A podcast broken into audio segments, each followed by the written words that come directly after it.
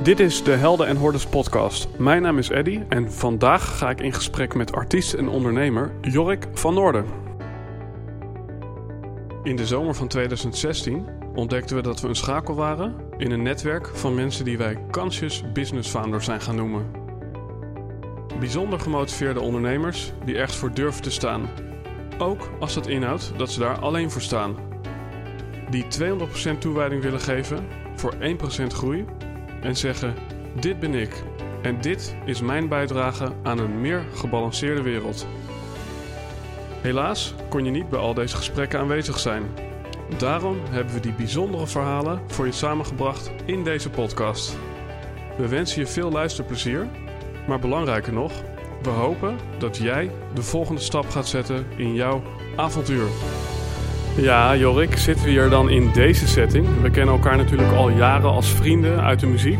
En ik vind het leuk om je ook een officiële introductie te geven voor de luisteraar. Je bent songwriter en je hebt altijd al een passie gehad voor geschiedenis. En als ras Haarlemmer inspireer je verschillende generaties met je verhalen en je muziek. En van jongs af aan ben je al geïntrigeerd geweest door met name de klassieke muziek, maar ook de popmuziek uit de jaren 60 en 70. En ja, wat ik er van de zijlijn van heb meegekregen, is dat voelbaar in alles wat je creëert. Meteen al grappig in het intro geef ik aan dat we dit onder andere voor ondernemers doen. En kan ik me voorstellen dat heel veel luisteraars denken: oké, maar volgens mij ken ik Jorik van Noorden en volgens mij is dat een muzikant. Hoe zou jij jezelf typeren? Meer als ondernemer of meer als muzikant? Nou, in eerste instantie ben ik muzikant. Eh, omdat muziek uh, maken en creëren mijn grote passie is. Maar omdat ik van mijn passie mijn werk gemaakt heb, uh, ontkom ik er niet aan ook ondernemer te zijn. En is het ook heel belangrijk om een goede ondernemer te zijn.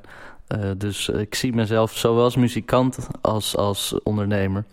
het enige is dat, dat ik niet altijd bij de petten tegelijk op kan zetten. Dus soms zet ik de ene even af. Mm en welke zet je dan af? Als ik uh, aan het creëren ben, dan, uh, dan liggen alle ondernemerspetten echt uh, thuis. Hmm.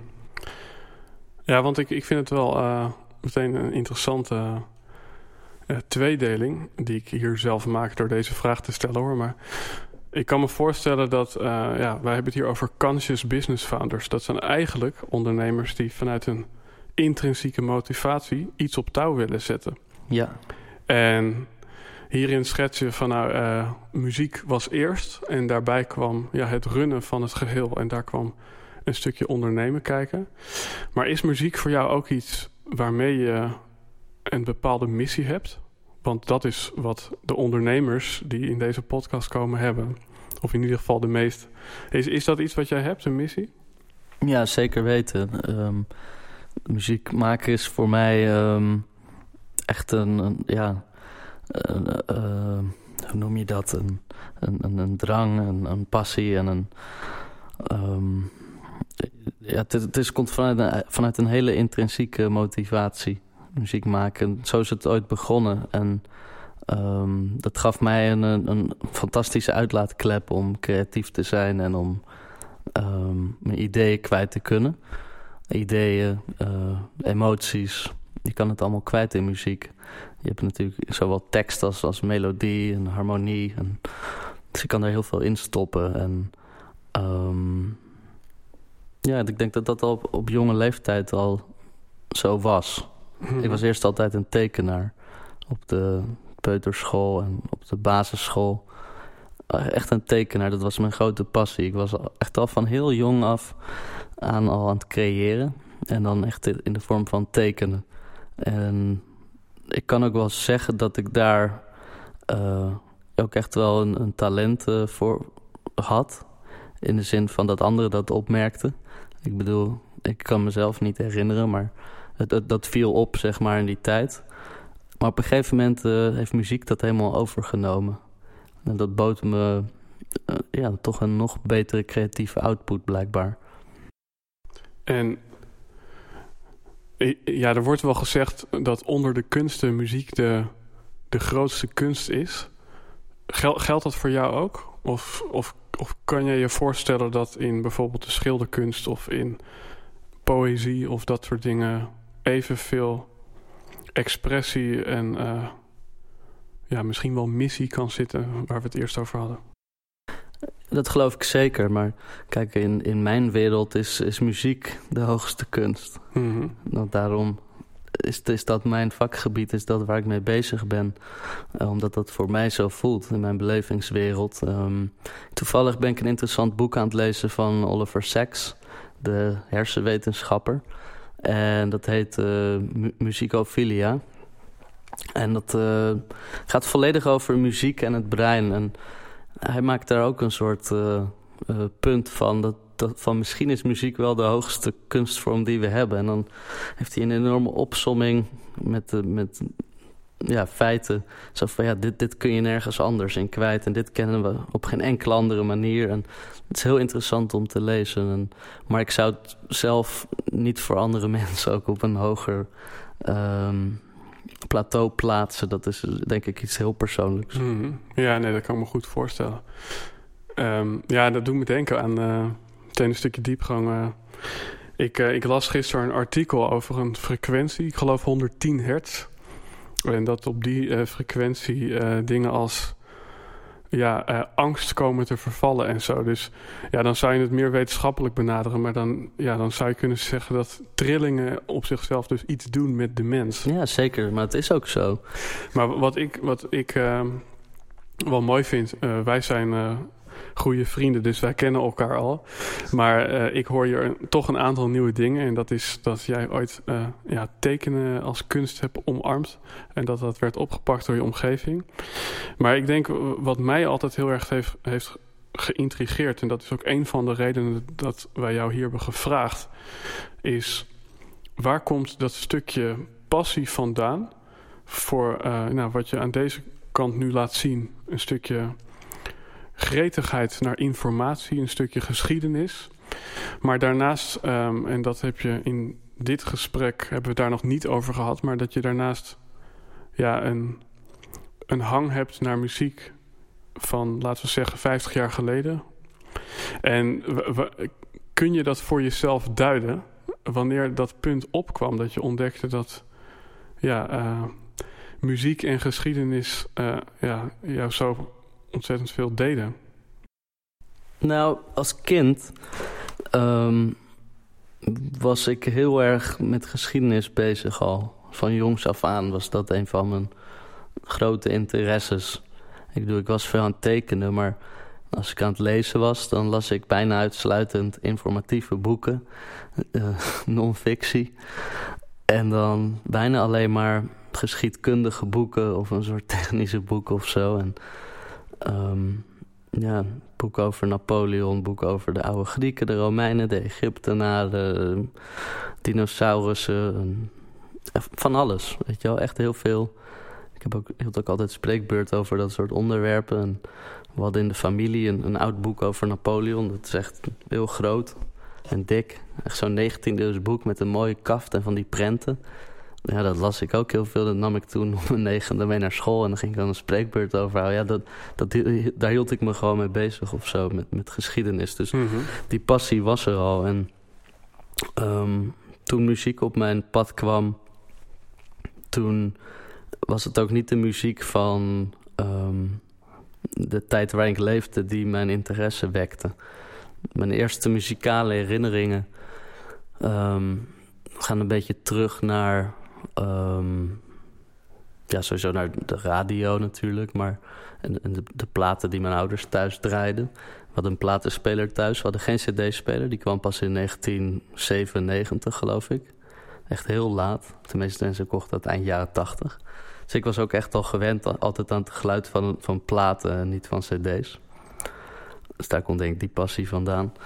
Um, en Fantasia, die Disney-film. Dat was een film die ik als kind heel, heel erg te gek vond. Die muziek vond ik heel mooi. En die beelden ook. Het is eigenlijk heel psychedelisch of zo. Maar ik vind het heel, heel mooi getekend en heel, heel gaaf. En ook, ook, het is ook een beetje historisch. Bij, bij Vlager zit, zit wel wat geschiedenis in. Voor het ontstaan van, van leven en de wereld en zo. En die film die keek ik ook wel echt heel veel, weet je wel. Echt heel veel. Ook wel soms misschien bijna dagelijks of zo. Ehm, en mijn opa speelde in een orkest en daar gingen we twee keer per jaar kijken.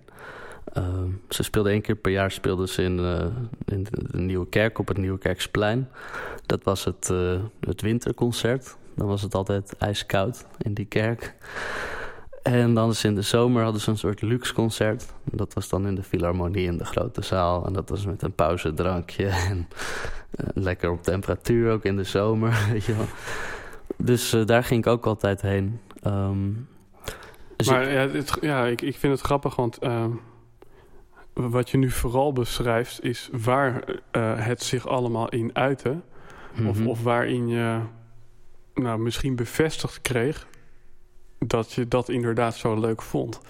Maar het, ja, het is dan grappig eh, van... Ja, hoe komt dat, hè? Dat je van zo'n jonge, eh, van zo jongs af aan zo'n passie hebt. ja, Ehm, al, al moet, al moet ik wel zeggen dat, dat muziek op, op dit moment waar, ik- waar ik nu in mijn verhaal ben, nog geen grote passie was. Maar, want- maar dat het slechts de eerste muziek was die mijn aandacht trok en die ik mooi vond. Dat was eigenlijk ja, klassieke muziek. En ehm, ik was altijd wel eh, ja, gek op mijn opa en, en, en vond het altijd heel interessant wat hij het allemaal deed. Want hij, zo, hij speelde dus cello en hij was heel veel met, met muziek bezig en, en met geschiedenis en las heel veel, wist heel veel. En ehm, verzamelde ook munten, dat deed ik ook. Dus dan gingen we ook samen wel eens naar muntenbeurs als kind. En ehm, hij haalde me soms op op de basisschool op woensdagmiddag. Dan waren we om 12 uur uit of zo. Dan haalde hij me op en dan gingen we soms eh, een keertje naar een museum toe. Dan een keer naar de, naar de, de Munt in Utrecht of naar het Oudheidkundig Museum in Leiden. En zo zijn we ook heel veel musea langs gegaan samen en zo. En hij hield alleen van klassieke muziek, niet van popmuziek. Dus ik denk ook dat ik hem een beetje napraat ook daarin. Ja, want is dat, dat punt dat je... Ja, we hebben elkaar natuurlijk al regelmatig gesproken. maar ik herinner me dat je vertelde dat je bij, bij je ouders in de auto zat, geloof ik. En ik weet Ja. niet of, ik- of ik het goed herhaal. Ja, ja, ja. En toen hoorde je voor het eerst de Beatles, klopt dat? Ja, ja toen was ik, eh denk negen. negen. Ja, negen jaar oud was ik toen. En ehm, de Beatles hadden toen een reuniesingle gemaakt. En eh, twee zelfs. En ik weet niet meer zo heel goed of het nou de eerste of de tweede was die ik toen hoorde. Dus de ene keer zeg ik dit, het ene liedje en de andere keer de andere. Want ik, ik weet dat niet precies meer. Maar een van die twee nummers die... ehm, trok mijn aandacht volledig. Het sprak me op de een of andere manier heel erg aan. Omdat ik daar blijkbaar iets in hoorde en, en iets bij voelde. En, Mhm. en dat was heel, heel, heel groot en heel veel. Want de ehm, muziek had nooit op die manier mijn aandacht getrokken. Dat, dat ik aan mijn ouders vroeg wat we, we luisterden of zo, of wat dat was. Ja. En ik denk dat het voor hun ook een beetje een raadsel was, omdat ja, die, die opnames waren gemaakt aan de hand van een oud cassettedemootje van Ja, ja. John Lennon, waar zijn stem echt bijna klinkt als een soort geest uit, uit, uit, uit andere tijden. Maar Ook een beetje dat, die, die Fantasia-film dan. ja, en misschien hoorde ik een beetje de geschiedenis al in die opname of zo Mhm. daardoor. En ja, ook, ik denk, ja, het is, het waren ook hele intelligente, mooie liedjes. Die harmonieën heel mooi en die melodie. En ook wel, ja, toch ook ontroerend of aangrijpend of zo. En ik, ja, ik voelde daar gewoon heel veel bij. Het tro- trok me zo. Ik was er echt door gefascineerd. Maar ik kan me ook voorstellen, en dat is dan even de tegenhanger... want je beschrijft nu ja, jouw, fascinatie eh, en jouw passie voor eh, muziek en eh, kunst en geschiedenis. Maar ik kan me ook voorstellen, zeker op die leeftijd... ik bedoel, ik liep een aantal dagen geleden ja, ergens in Amsterdam... en toen zag ik vier jongens die echt identiek gekleed waren. En die waren dan rond een jaartje of 19, schat ik. Hmm. Maar ik kan me dus ook voorstellen dat de groepsdruk, die volgens mij altijd heerst, ehm, en goed over willen komen, maar dat het juist op die leeftijd enorme eh, parten speelt. En heb je daar eh, wel eens. Ja, heb je daar wel eens weerstand gevoeld? Dat andere mensen jou niet begrepen? Of dat jij mensen niet begreep? Of ja, nog een tandje verder, dat je je misschien zelfs eenzaam voelde, omdat je dacht: met wie moet ik, moet ik dit delen? Hoe, hoe ben je daarmee omgegaan? Nou, dat is op zich wel een goede vraag. En ook wel grappig dat je het stelt. Want um, ja, gek genoeg heb ik altijd wel mijn eigen plan gevolgd daarin. En, um, maar heb ik daar me nooit eenzaam in gevoeld. Omdat ik bedoel, ik voelde wel dat ik hele andere interesses had dan de meeste mensen of zo. Of met andere dingen bezig was. Maar um, het was meer dat anderen om me heen dat ook interessant vonden dan dat ik dat interessant vond, dat ik daarmee bezig was. En dat ze mhm. daar dan wel in, in meegingen. Ik bedoel, niet iedereen, maar ik zat op de basisschool in een klas met 40 mensen. Dus dat was een enorme klas, snap je? En ik had een hechte vriendengroep, uh, um, in totaal met z'n vieren, later met z'n vijven. En um, de jongens gingen daar ook heel erg in mee. In die, in die interesses. We hebben bijvoorbeeld met de maandafsluiting hebben we Love Me Do van de Beatles ge, geplaybacked en zo. En ja, dus ik had wat dat betreft een soort positie dat, dat ze me daarin juist in volgden of zo. Mhm. Of in meegingen. En dan heb ik het over de basisschool. Op de middelbare school was dat weer anders. Maar op de, ja, ik weet niet. Hoe, hoe was dat later? Heb je, ja, misschien wel tot de dag van vandaag, heb je wel eens die challenge dat je denkt, uh, jeetje, uh, hallo, waar, waar, zijn mijn gelijksgestemden? Of? Nee, nee, nee, ik ken er heel veel. En ik bedoel, um, hoe ouder je wordt en hoe langer je ook bezig bent met, met, met je vak, hoe, hoe, meer je die gelijkgestemden juist vindt en ontdekt. En ook degene die, um, ja, die, die ook van diezelfde muziek houden. Dus ik bedoel, ik ben alleen maar meer omringd met mhm. gelijkgestemden dan vroeger, zeg maar. Ik kan me ook voorstellen dat het tegendeel ook waar is. Dat je uh, eigenlijk in de ontwikkeling die je daarin maakt... Mhm. Uh, en de vanzelfsprekendheid om, in, ja, om te doen wat je doet... en uh, dat te delen met anderen. Ik kan me ook voorstellen dat jij op een dag naar de kroeg gaat... of je gaat een keertje op vakantie... of ja, je gaat naar een verjaardag en je denkt in één keer van... jeetje, wat ben ik eigenlijk anders? ja, tuurlijk. Ja, die, die, momenten zijn er ook. Um, ja, ik bedoel... Maar dat zijn eigenlijk de momenten die je maar regisseert. maar dat hebben we allemaal wel. Om de, uh, de, momenten dat we uit onze eigen uh, bubbel stappen of zo, mm. bij wijze van. Um, natuurlijk, maar ik bedoel... Ik heb ook wel andere interesses en passies en ben ook wel gewoon geïnteresseerd in, in andere mensen. Dus wat dat betreft uh, ervaar ik daar niet echt problemen mee. Ja. Weet je wel? dat, uh... Ja, mooi hoor. Ik ben gewoon veel met gelijkgestemden. En ik bedoel, dat is wel een van de voordelen van internet ook, denk ik. Dat ik bedoel, er zijn heel veel schaduwkanten en ook wel ontwikkelingen waar ik me erg zorgen over maak. Maar um, een van de mooiste dingen is natuurlijk dat je daar ook uh, zoveel informatie tot je beschikking hebt... en ook zo makkelijk in contact kan komen met gelijkgestemden.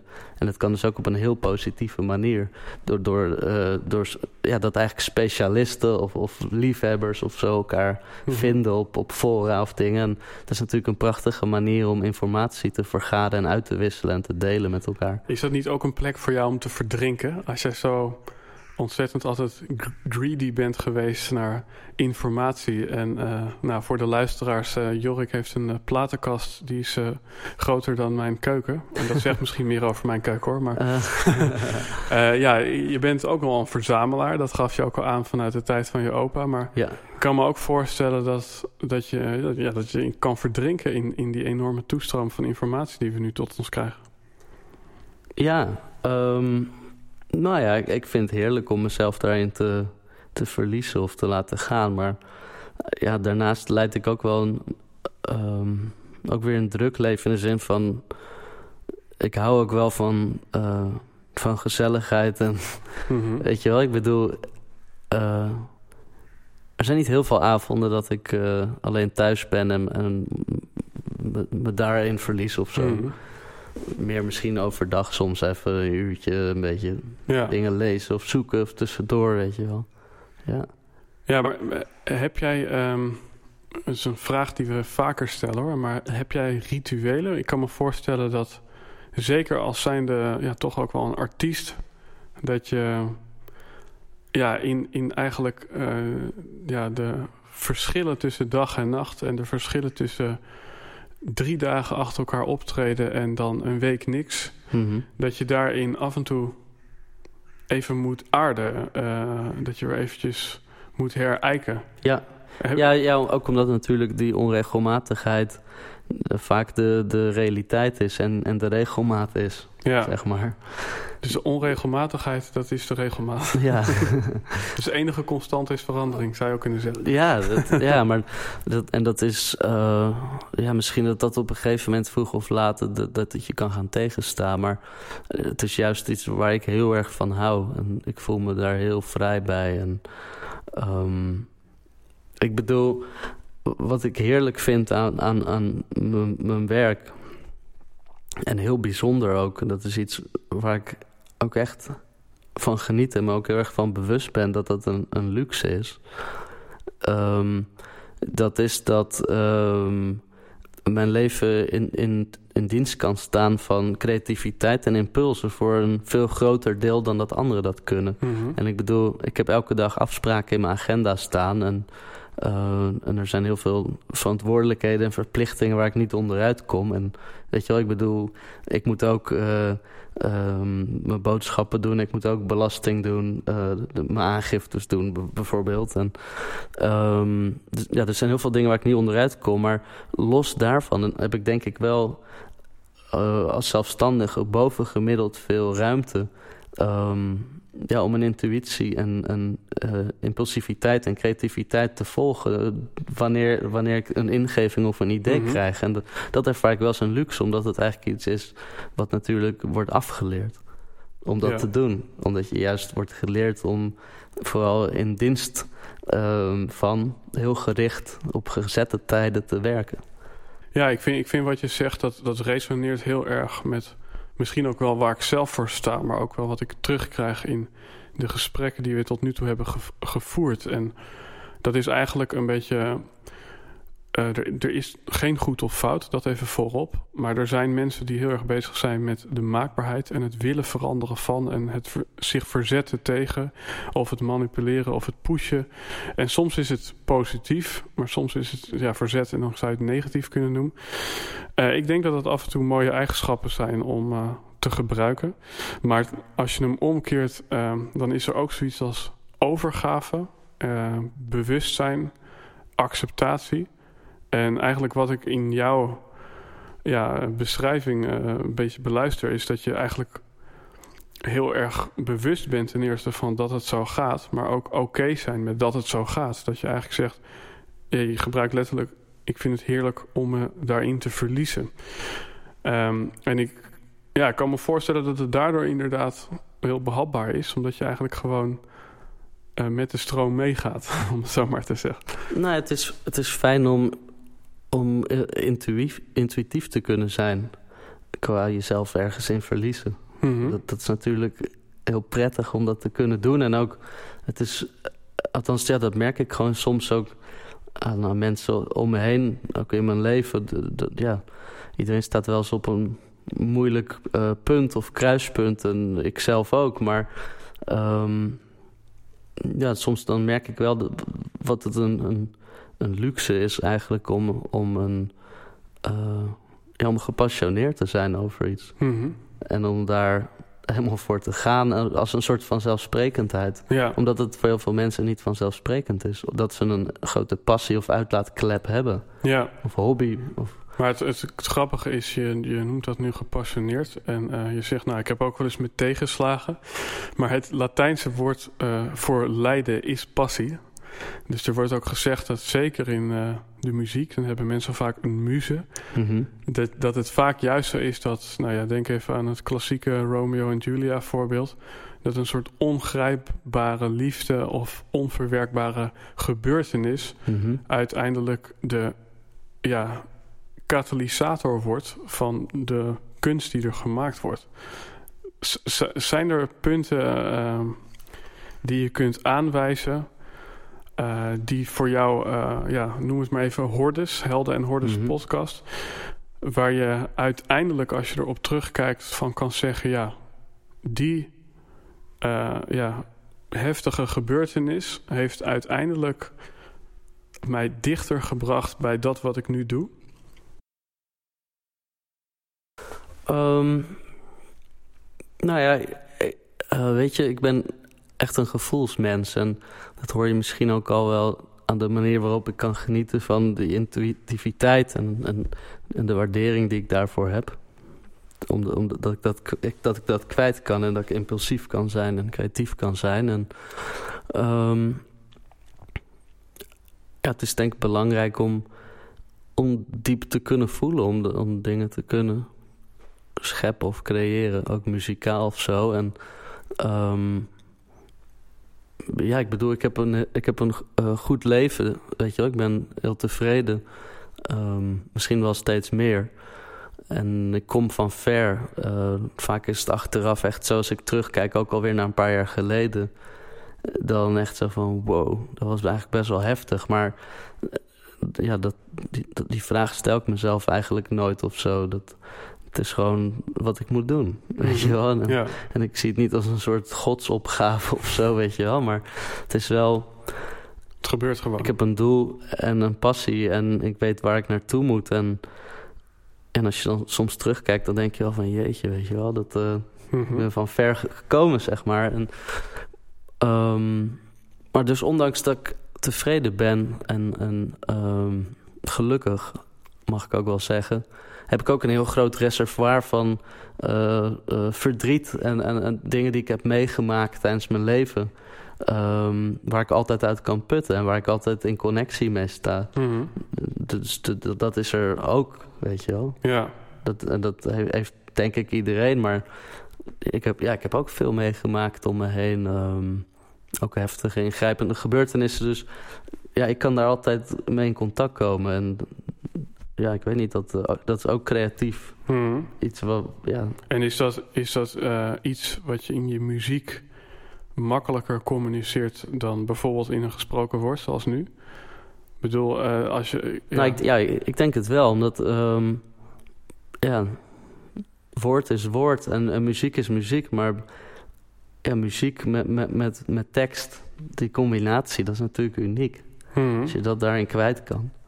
En, en sowieso, muziek op zich, weet je wel. Dat, je zou bijna er zit zoveel zeggen, gevoel in, ja, in maar je klank. Zou, je kan, je zou kan bijna kunnen doen. zeggen dat uh, ja, muziek is natuurlijk ja, heel duidelijk. Tenminste, als je het mij vraagt, iets wat over het gevoel gaat. Ja. Maar nadenken over een goede tekst of songwriting... dat is misschien waarin je ratio ook uh, erbij betrokken wordt. Dus misschien is het daarin... Ja, maar dat vind ik ook het lastigste uh, gedeelte, denk ik. Omdat um, tijdens het creëren, dan denk ik niet, dan doe ik. Mm -hmm. En dan, ja. en dan denk ik wel, maar dat, dat zijn allemaal processen die ja. dan onbewust uh, plaatsvinden. Maar ik kan me wel voorstellen dat juist door die combinatie van misschien dat stukje denken wat toch nodig is en dat stukje gevoel, dat je daardoor een soort van ja, een, een hele volledige expressie krijgt van dat wat er op dat moment in je omgaat. Ja, misschien wel. Ja, het is denk ik vooral het gevoel Mhm. mm -hmm. wat zich uit als ik een, een, een liedje schrijf. En, en vaak maak ik dan uit de flarde tekst wel op wat ik eigenlijk bedoel, of waar het eigenlijk over gaat, of zou kunnen gaan, of waar ik aan lijkt te refereren. En, en dat geeft me dan een idee over de tekst, maar daar ga ik dan meer over nadenken. Mm -hmm. dat, dat is meer, ook meer denken dan. Ja, want wat mij opvalt, en ik, ik ken je natuurlijk al jaren, en um, wat mij opvalt is dat je eigenlijk, voor, mij, uh, voor mijn gevoel, is er af, afgelopen ja, twee jaar is er iets geknapt. Ja, dat zijn even mijn woorden. Maar er, ik, ik ervaar een, een, verandering, laten we het zo zeggen. En ik kan me voorstellen nou, ja, dat dat te maken heeft met privégebeurtenissen... of een bepaalde commitment of een bepaalde keuze. Of dat het misschien een onbewust natuurlijke of organisch proces is geweest. Maar ja, laten we het... Ja, even vanuit mijn optiek was je daarvoor vooral muzikant... en speelde je in verschillende bandjes en... Uh, uh, maar binnen de muziek ben je ten eerste ja, voor jezelf op gaan staan. Dus je bent, heette vanaf ja, een x aantal jaar geleden ook Jorik van Noorden, jouw eigen naam. Mhm. Mm -hmm. uh, en daarnaast heb je meerdere initiatieven genomen. En ik heb gemerkt bij mij dat dat echt... Uh, dat het mij in ieder geval enorm heeft geïntrigeerd. En voor de luisteraar, je hebt een uh, concertgebouw gevuld... voor een Beach Boys Tribute concert... Um, Leuk dat je erbij was trouwens. Ja, Oh, je zag me net. Ja.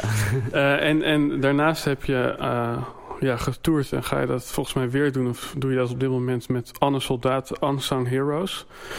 Maar waarom ik dit eventjes zo noem, is omdat dat is dus die combinatie waarin je enerzijds de muziek, maar anderzijds die geschiedenis samenbrengt. Tenminste, zo zie ik dat. Want mm -hmm. in. Unsung Heroes vertel je het verhaal van toch wel hele goede artiesten uit het verleden, waar de meeste mensen niet veel van weten, uh, maar die ook altijd hele bijzondere levensverhalen hadden.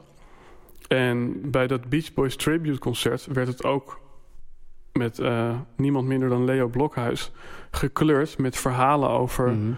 de achtergronden achter de liedjes en waar het vandaan komt. En ja, ik, is dat voor jou een bewust moment geweest dat je ontdekte: hé, hey, wacht eens even, dit is mijn vierkante meter? Dat je eigenlijk die, noem het maar passie en talent, samen onder één noemer uh, naar buiten bracht?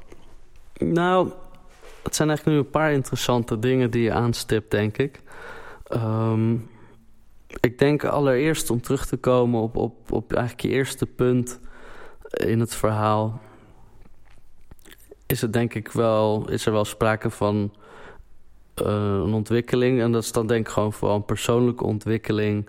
Uh, dat je met de jaren uh, meer tot jezelf komt en iets sterker in je schoenen komt te staan. En um, ja, misschien een duidelijker beeld ook hebt van wie je bent en waarom. En um, wat je sterke punten zijn, je zwakke punten. En dat soort dingen worden natuurlijk steeds duidelijker met de jaren. Mm -hmm. En dus daar is denk ik sowieso wel sprake van.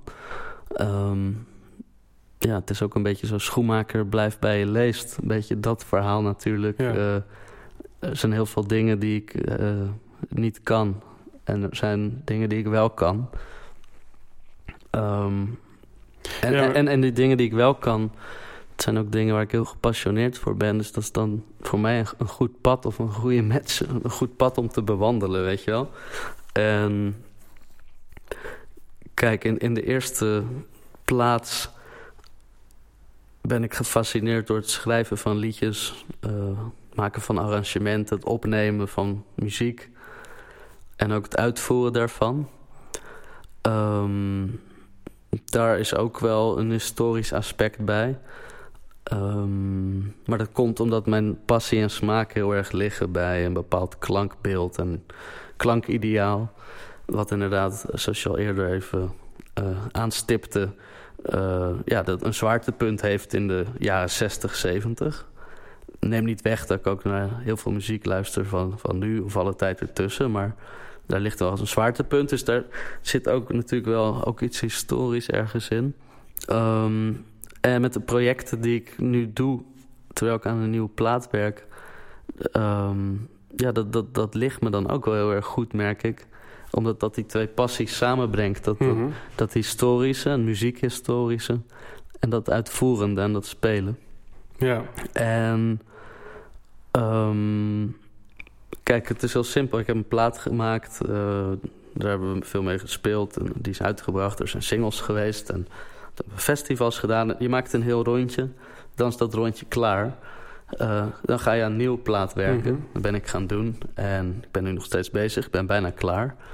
Maar terwijl ik dat deed... Um, ja, kon, kon, kon, ik natuurlijk ook uh, spelen en moest ik ook spelen. Want het is ook, zoals ik zeg, mijn werk. En ik kan, kan me niet permitteren om, om twee jaar uh, niet te werken... in de zin van niet betaald te werken. Um, dus ik moet ook sowieso spelen. Maar ik speel natuurlijk het liefst uh, op, ja, op plekken die fijn zijn... op dingen die mij inspireren of triggeren... Of, Um... Ja, want wat ik er mooi vind, en daarom, daarom ja, zet ik het ook zo uiteen, dat je, je geeft aan, ik heb al van jongs af aan die, ja, die, hang gehad naar stukjes geschiedenis lezen. Uh, en later ook ja, een genuanceerde smaak voor muziek. Maar dat eigenlijk, ja, je beschrijft dan nu zelf dat moment van jezelf worden, om het zo maar te zeggen, of nog meer jezelf worden. En op dat moment komt eigenlijk je zei schoenmaker, blijf bij je leest. Maar ik hoor juist dat je misschien in je, in je werk, om het zo maar te noemen, uh, dat stukje geschiedenis, waar je ook veel van wist, dat je behalve de, de liedjes die je speelde, er niet heel erg veel van hebt geëtaleerd. Mhm. En dat je nu juist uit dat verleden ook dat stukje uh, ja, inhoudelijkheid en dat Ja. stukje geschiedenis erbij betrekt. Ja, maar ik denk, kijk, als, als je kijkt naar wie ik ben en naar, naar mijn eh, interesses en, en passies en hobby's, dan is naast het, het, het scheppen en, en het uitvoeren van werk en gewoon het spelen, is ook ehm, verzamelen inderdaad een passie van me en ook eh, ja, popmuziek, geschiedenis. En op de een of andere manier eh, zijn mijn hersenen zo geprogrammeerd dat ze dat uitzonderlijk interessant vinden en, en allemaal opslaan. Eh, de meest triviale feitjes en cijfers Mhm. op dat vakgebied, die onthouden mijn hersenen. Ehm, ja, dus dan op een gegeven moment dacht ik van ja, waarom kan ik niet die twee passies ook samenbrengen? Mhm. En dat- ik bedoel, daar kleeft ook een gevaar aan. Want eh, nu binnenkort, na de zomer, dan komt de focus echt weer even voor een jaar op mijn eigen werk te liggen en op mijn plaat.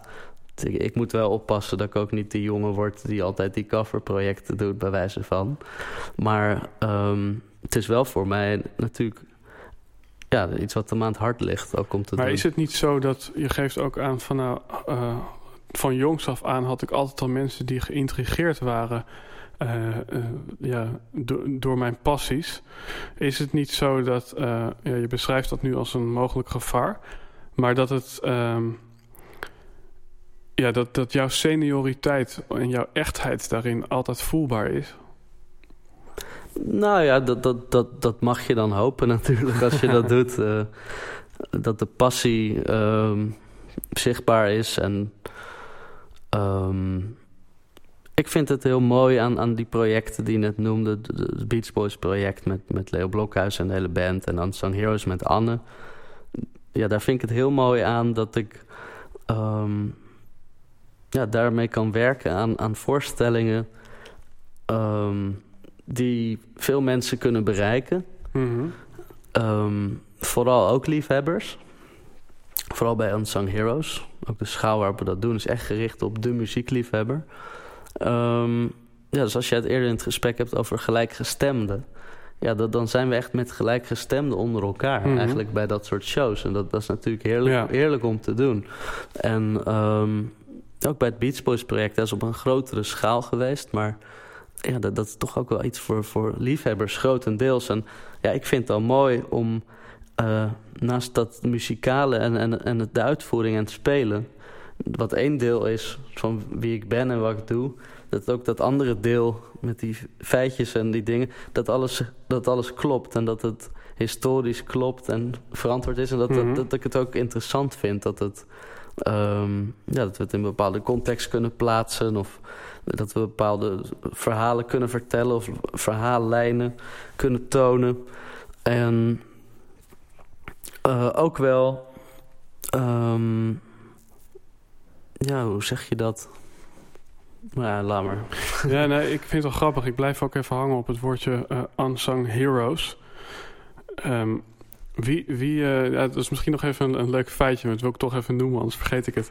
Ik, eh, ik hoorde gisteren dat eh, het brein tussen 23 en 30 jaar het beste ja, op zijn creativiteit is, op zijn creatiefst.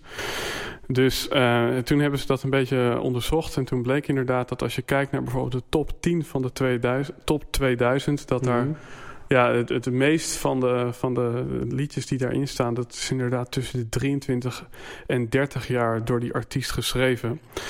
En ehm, nou, dat vond ik gewoon even leuk om te delen. Ook omdat jij nu volgens mij net op die grens zit. Ik ben er overheen.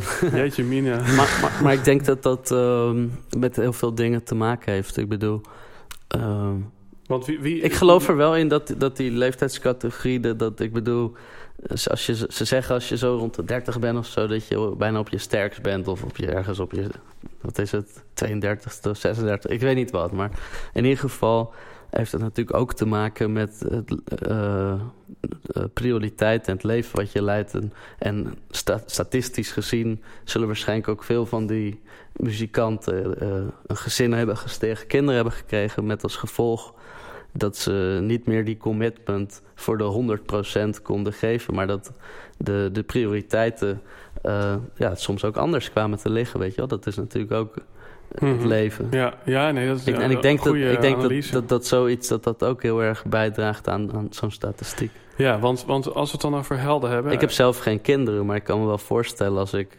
uh, een paar kinderen zou hebben.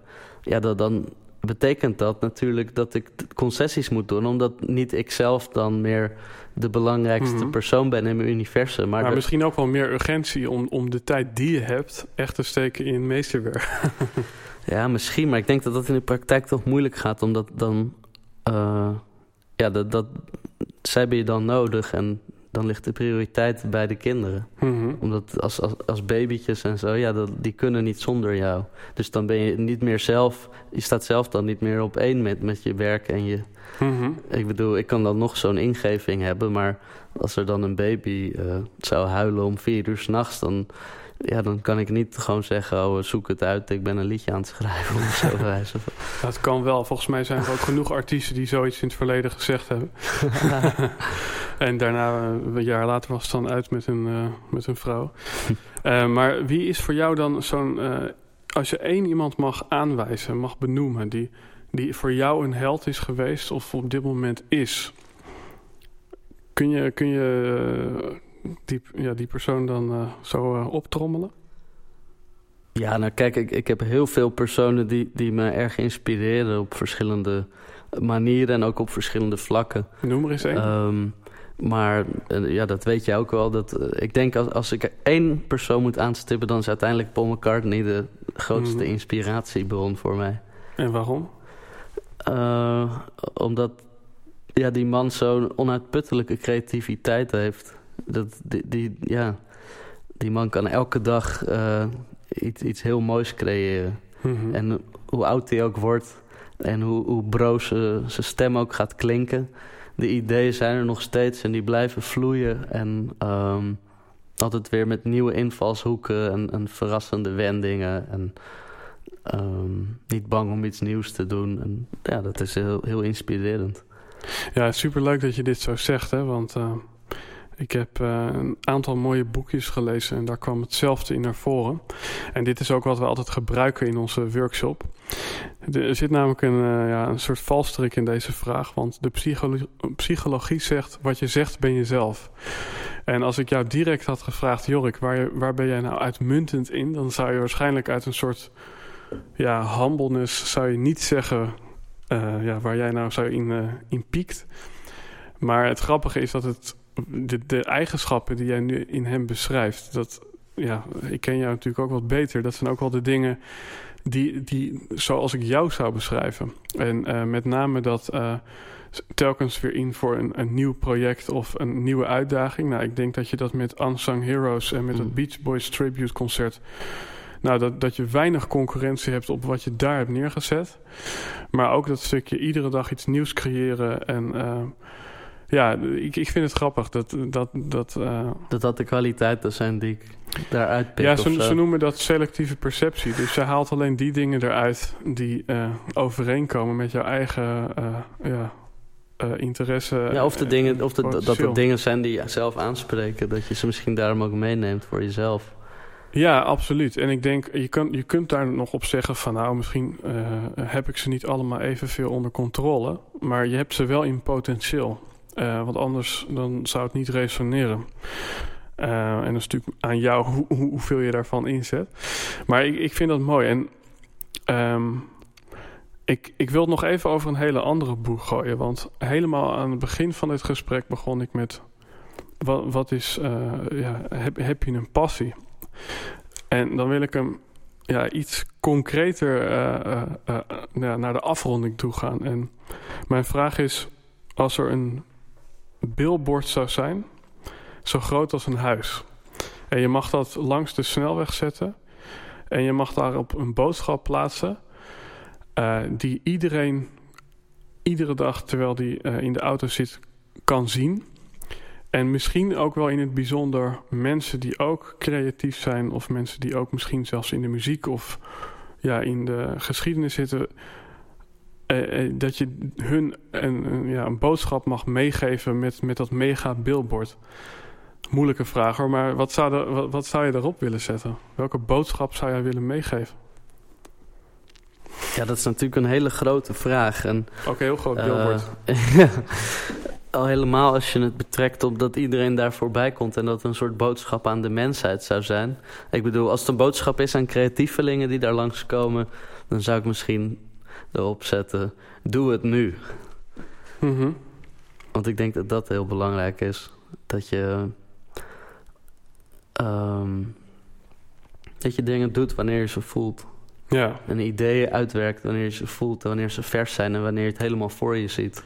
Want een, ma Ja. een maand erna dan kun je het misschien al niet meer zo voor je zien als toen je dat allemaal zo voelde. Nou, ik vind het heel mooi, omdat ik denk, eh, zoals ik al aangaf, er zijn natuurlijk ook heel veel ondernemers en mensen die niet direct met de muziek in verband staan, die hier naar luisteren of hierin actief zijn. Maar ik denk dat deze boodschap juist ook eh, resoneert eh, met de ondernemer, omdat heel veel ondernemers natuurlijk hebben geleerd eh, in allerlei cursussen en boeken dat ze efficiënt moeten zijn, dat ze dagindelingen moeten hebben, dat het van 9 tot 5 is. Maar ja, daarin zou het dus wel kunnen dat je voorbij gaat aan een creatieve impuls, omdat de orde van de dag iets anders van je vraagt. Ja. Dus, ik, dus ik vind het een hele mooie, uh, ja, in zijn algemeenheid. En als, je, als, je op de, als jij op de stoel waar je nu zat, als jij iemand anders daarop zou mogen zetten, omdat je vindt dat diegene een mooi verhaal heeft of op zijn manier uh, ja, een heldhaftige daad heeft verricht. Heb je, heb je een idee wie je op deze stoel uh, zou willen plaatsen? Los van of het haalbaar is of niet? nee, er schiet me niet meteen iemand te binnen. Maar ja, ik moet ook zeggen dat ik altijd wel wollig van gedachten ben. Ik moet het even laten bezinken en dan zal ik wel zo'n Eureka-moment hebben. Ja, nou ja, goed. Um, dat is uh, ook het risico uh, wat ik neem door zo'n vraag uh, te stellen. ik ik zou nog wel even met je door kunnen praten. En ik denk dat ik dat ook nog wel even ga doen. Alleen hebben wij dan al op afronden gedrukt waarschijnlijk. Dus... Um, ja, voor de luisteraars, als je over uh, deze uitzending wil meepraten, dan kan dat via Twitter, Helden en Hordes. En we hebben sinds kort ook een hele gave Facebookpagina, waar ook af en toe wat video's en een stukje diepgang of achtergrond over verschillende interviews wordt gegeven. Um, ja, Jorik, als mensen jou willen bereiken, in de show note van deze podcast zal ik een en ander aan achtergrondlinkjes plaatsen. Is er nu iets in het bijzonder waar je aan wil refereren? Um, waar mensen je kunnen vinden? Ja, ze kunnen het best naar www.jorikvannoorden.nl. Jorik met Y-O-R-I-C-K en Van Noorden met 1 O. Zo, misschien wordt het dan tijd dat je ook, uh, nu je toch uh, aan het groeien bent, dat je ook Van Noorden met twee O's gaat registreren en Jorik met een J. Ik heb toevallig vandaag een, do een domeinnaam uh, opgezegd. oh, en welke was dat? Club-helmbreker.nl Die had ik ooit gekocht, maar daar zijn we nooit wat mee gaan doen. En ik kreeg nu een factuur voor komend jaar. Toen dacht ik, ja, dat is toch ook zonde dan. Ja, ik denk dat dit nou precies zo'n punt is dat de luisteraar denkt van... Volgens mij is die wel rond zo. ja. Dus ik dank je heel erg hartelijk voor dit gesprek. Superleuk om je ook in deze context een keer uh, uh, te spreken. En uh, nou... Insgelijks, dankjewel. Leuk om te gast te zijn. Wij geven elkaar nu een hand voor de luisteraars. Alright, En ciao. het publiek klapt. dank jullie wel, dank jullie wel. ciao.